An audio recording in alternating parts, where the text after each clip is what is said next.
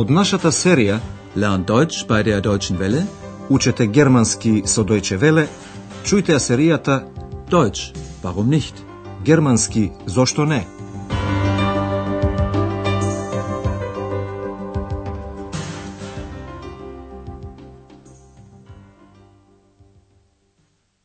Liebe Hörerinnen und Hörer. Добар ден, почитувани слушателки и слушатели. Наред е шестата лекција од првата серија под наслов Што правите? Вас маханзи. Се сеќавате, Андреас му беше мошне лут на екс, кој на доктор Тирман му се обрати со ти. Тој му вели на екс дека неговиот однос го сваќа за неучтив. Das ist doch unhöflich. Дали се сеќавате како реагираше доктор Тирман? Откако Андреас му го однесе пивото во собата, доктор Тирман како прво праша дали Андреас е на вистина портир. Sie sind doch der Portier, oder? Доктор Тирман потоа му рече на Андреас дека е зачуден од обраќањето со ти. Ich bin erstaunt.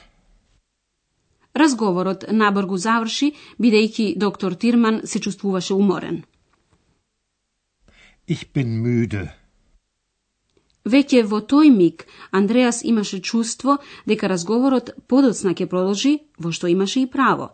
Доктор Тирман го повика во наредниот ден да дојде во собата и почна да му поставува прашања. Во почетокот го праша, што правите? Was machen Sie? Потоа почна да прашува, прашува. Чујте го сега текот на разговорот меѓу Андреас и доктор Тирман. Во него ќе откриете нешто ново за Андреас. Обрнете внимание на зборовите кои веројатно ви се познати од мајчиниот или од некој друг познат јазик. Ваша задача е значи да откриете што прави Андреас. Ja, bitte. Guten Morgen, Herr Dr. Thürmann. Morgen, junger Mann. Sagen Sie mal, was machen Sie? Studieren. Studieren und keine Manieren. Naja. Was studieren Sie? Journalistik. Und was machen Sie da? Recherchieren, Reportagen schreiben. Interessant. Sehr interessant. Слушнавте ли? Андреас студира новинарство. Разговорот ќе ви го објасниме подетално. Доктор Тирман го почнува разговорот со Кажете, Sagen Sie mal, was machen Sie? на прашањето што прави, Андреас одговори студира, штудирен. Was machen Sie? Studieren. Дали разбравте што студира тој? Тој студира новинарство, журналистик. Сака да стане новинар. Она што сега го работи е решерширање, решерширен и репортажи, репортажен. Чујте го уште еднаш истото. Was studieren Sie? Journalistik. Und was machen Sie da? Recherchieren, Reportagen schreiben. Доктор Тирман тоа го свати интересно, интересант. И тоа мошне, зеја, интересно. Interessant. Sehr interessant. Веројатно ги разбравте зборовите кои може би имаат исто значење во вашиот мајчин јазик. Доктор Тирман направи мала забелешка во разговорот со Андреас, во која има сличен збор. Чујте уште еднаш. Studieren und keine Manieren. Naja. Доктор Тирман сака да каже дека Андреас студира, меѓутоа нема добри манири, манирен, што тој, доктор Тирман, ги очекува од еден студент. Разговорот меѓу доктор Тирман и Андреас продолжува. Тој го прашува Андреас. А што правите тука? Und was machen Sie hier? Со тука, хија, се мисли на работата во хотелот. Доктор Тирман прашува уште нешто. Парите ви се потребни, нели? Sie brauchen doch das Geld, oder? Во продолжение на емисијава ќе ви откриеме нова техника која директно е поврзана со јазикот. Станува збор од текстовите да откриете зборови што се идентични во коренот. Студира, штудирен и студент, штудент.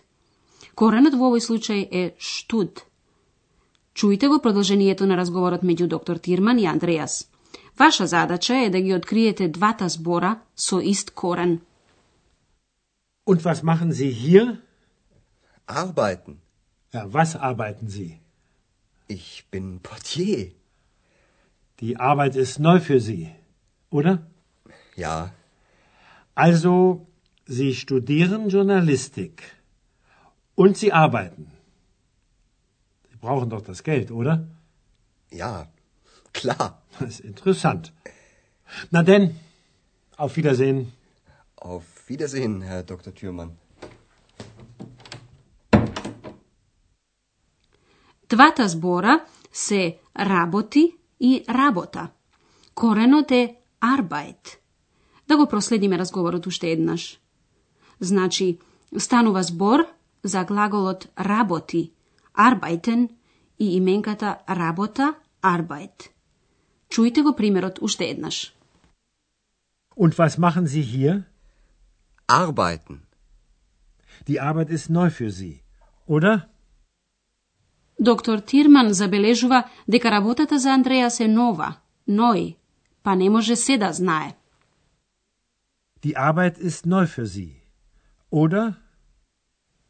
А доктор Тирман сака да утврди дали на Андреас му требаат пари. Sie brauchen doch das Geld, oder? Дека не е несекојдневно студентите да работат и заработуваат пари, Андреас одговара. Да, јасно. Ja, klar. Андреас не разбира што всушност сака доктор Тирман со неговото прашање. Ништо не одговара, туку само се простува од него. Interessant. Na denn, auf Wiedersehen. Auf Wiedersehen, Herr Dr. Thürmann.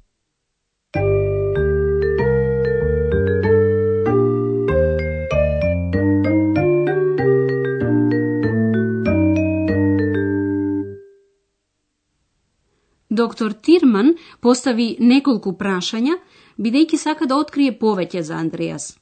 Прашањата почнуваат со што? Вас. Со вас се прашува за некоја дејност или предмет. Was machen Sie? Was studieren Sie? Was arbeiten Sie? Денеска се запознавте со шест нови глаголи. Глаголот во германскиот е мошне важен. Во секоја реченица има глагол. Основата на глаголот, инфинитивот, завршува со н. н. Во оваа форма, глаголот ќе го најдете во речникот. Во секојдневниот разговор, завршокот не се изговара јасно. Чујте примери во инфинитив, неопределен начин. Machen. Studieren. Arbeiten. Brauchen. Schreiben. Recherchieren. Глаголската форма, што ја чувте денеска, е второ лице еднина, со учтиво обраќање вие, зи. Sie studieren und sie arbeiten. Второ лице еднина со зи има ист глаголски завршок како во инфинитив, практично, нели? Чујте ги прашањата уште еднаш. Was machen Sie?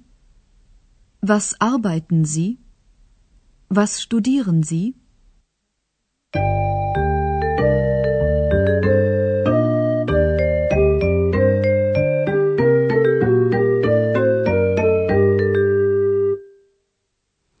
Чујте го уште еднаш разговорот меѓу Андреас и доктор Тирман.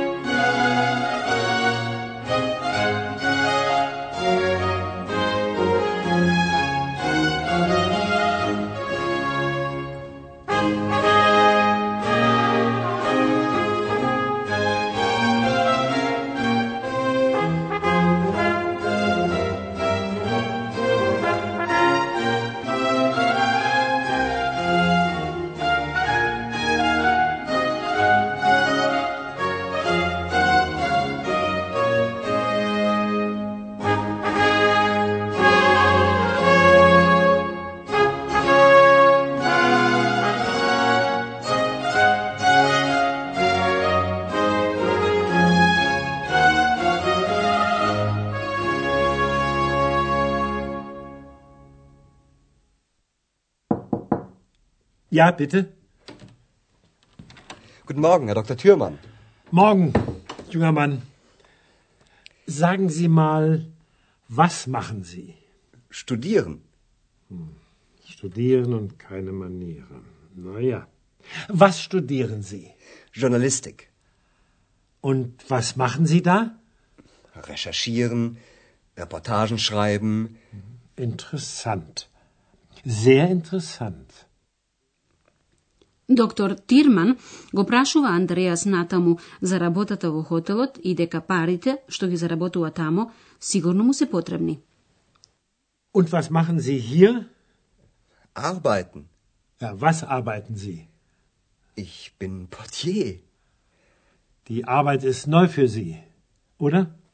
Ja, Also, Sie studieren Journalistik. Und Sie arbeiten. Brauchen doch das Geld, oder?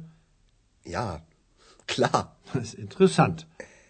Na denn, auf Wiedersehen. Auf Wiedersehen, Herr Dr. Thürmann. Андреас, размислувајќи, се врати на своето работно место, каде што екс му даде на знаење, оти прислушкувал нешто од разговорот. Од негова уста тоа вака звучи. Und recherchieren. Interessant. Sehr interessant. До слушање до наредната емисија. Auf Wiederhören. Тоа беше германски Зошто не? Радиоговорен курс на Херат Мезе во продукција на Дојче Веле и на Гетовиот институт од Минхен.